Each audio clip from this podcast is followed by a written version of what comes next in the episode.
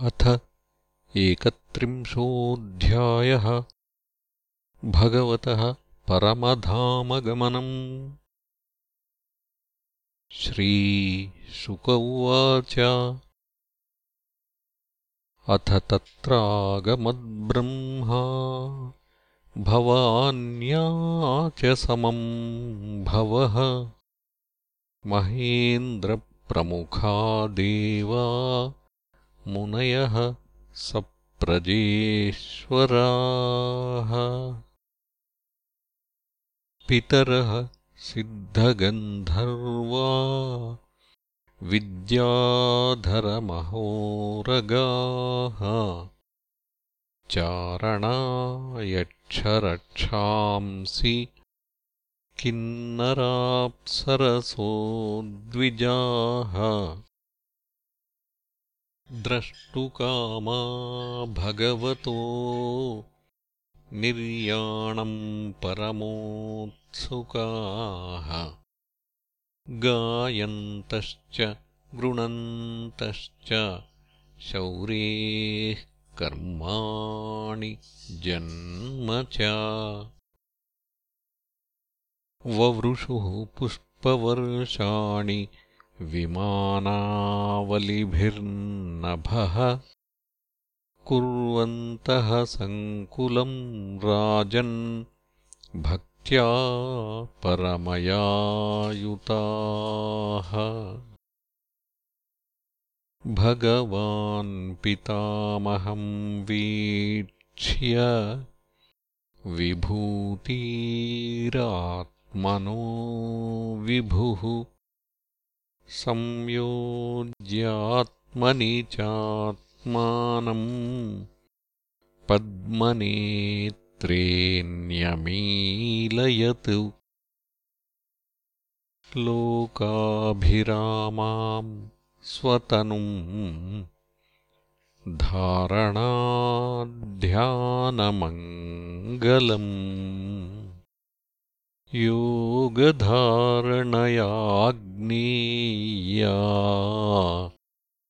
दग्ध्वा धामाविशत्स्वकम्।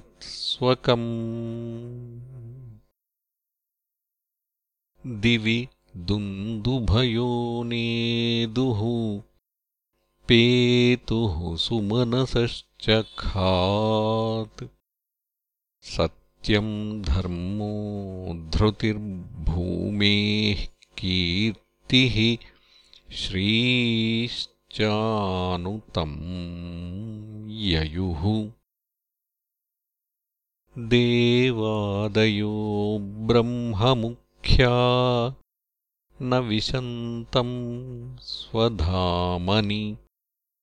अविज्ञातगतिम् कृष्णम् ददृशुश्चातिविस्मिताः। सौदामिन्या यथाकाशे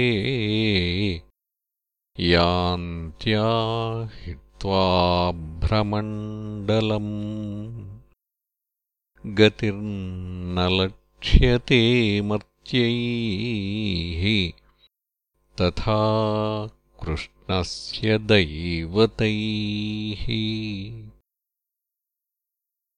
ब्रह्मरुद्रादयस्ते तु दृष्ट्वा योगगतिम् हरेः विस्मितास्ताम् प्रशंसन्तः स्वम् स्वम् लोकम् ययुस्त तदा राजन्परस्य तनुभृज्जननाप्ययेह मायाविडम्बनमवेहि यथा नटस्य सृष्ट्वात्मनेदमनुविश्य विहृत्य चान्ते संहृत्य चात्ममहिमोपरतः स आस्ते। मर्त्येन यो गुरुसुतं यमलोकनीतम् त्वाञ्चानयच्छरणदः परमास्त्रदग्धम् जिज्ञेऽन्तकान्तकमपीशमसावनीशः किं स्वावने स्वरनयन्मृगयुं सदेहम्। तथाप्यशेषस्थितिसम्भवाप्ययेषु अनन्यहेतुर्यदशेषशक्तिधृत् नैच्छत्प्रणेतुम् वपुरत्र शेषितम्। मर्त्येन किं स्वस्थगतिम् प्रदर्शयन्। य एताम् प्रातरु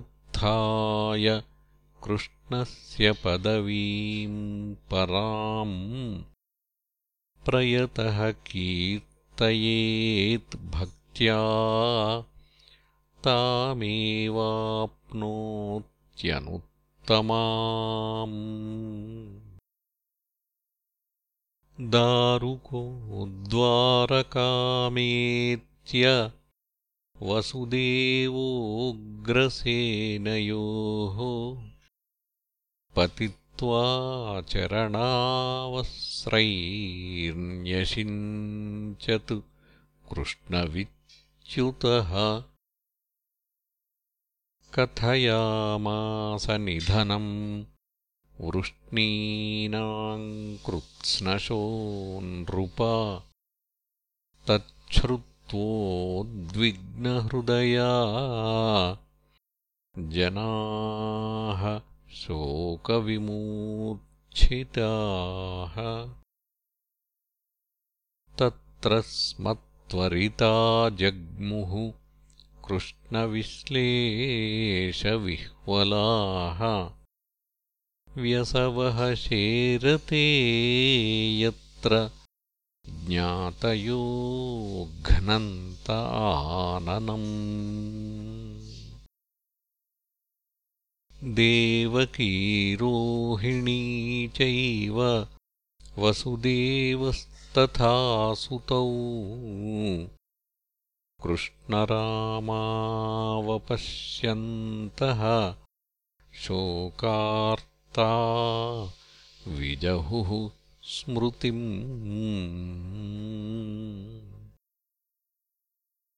प्राणांश्च विजहुस्तत्र भगवद्विरहातुराः उपगूह्यपतींस्तात चितामारुरुहुः स्त्रियः रामपत् न्यश्च तद्देहमुपगुह्याग्निमाविशन् वसुदेवपत्न्यस्तद्गात्रम् प्रद्युम्नादीन् हरेः स्नुषाः। कृष्णपत्न्यो विशन्नग्निम् रुक्मिण्याद्यास्तदात्मिकाः अर्जुनः प्रेयसः सख्युः कृष्णस्य विरहातुरः। आत्मानम् सान्त्वयामास कृष्णगीतैः सदुक्तिभिः बन्धूनाम् नष्टगोत्राणामर्जुनः साम्परायिकम्। हतानाम् कारयामास यथावदनुपूर्वशः। द्वारकाम् हरिणा त्यक्ताम् समुद्रोप्लावयत् क्षणात् वर्जयित्वा महाराज श्रीमद्भगवदालयम्। नित्यं सन्निहितस्तत्र भगवान् मधुसूदनः स्मृत्याशेषाशुभहरम् सर्वमङ्गलमङ्गलम्। स्त्रीबालवृद्धानादाय हतशेषान् धनञ्जयः। इन्द्रप्रस्थं समावेश्य वज्रं तत्राभ्यषेचयतु श्रुत्वा सुहृद्वधं राजन्नर्जुनात्ते पितामहाः। त्वान्तु वंशधरं कृत्वा जग्मुः सर्वे महापथम्। य एतद्देवदेवस्य विष्णोः कर्माणि जन्म च कीर्तयेच्छ्रद्धयामर्त्यः सर्वपापैः प्रमुच्यते। इत्थम् हरेर्भगवतो रुचिरावतारवीर्याणि बालचरितानि च शन्तमानि अन्यत्र चेह च श्रुतानि गृणन्मनुष्यो भक्तिम् पराम् परमहं सगतौ लभेत। इति श्रीमद्भागवते महापुराणे श्रीवैयासिक्याम् अष्टादशसहस्रिकायाम् पारमहंस्याम् संहितायाम् एकादशस्कन्धे एकत्रिंशोऽध्यायः। एकादशस्कन्धः समाप्तः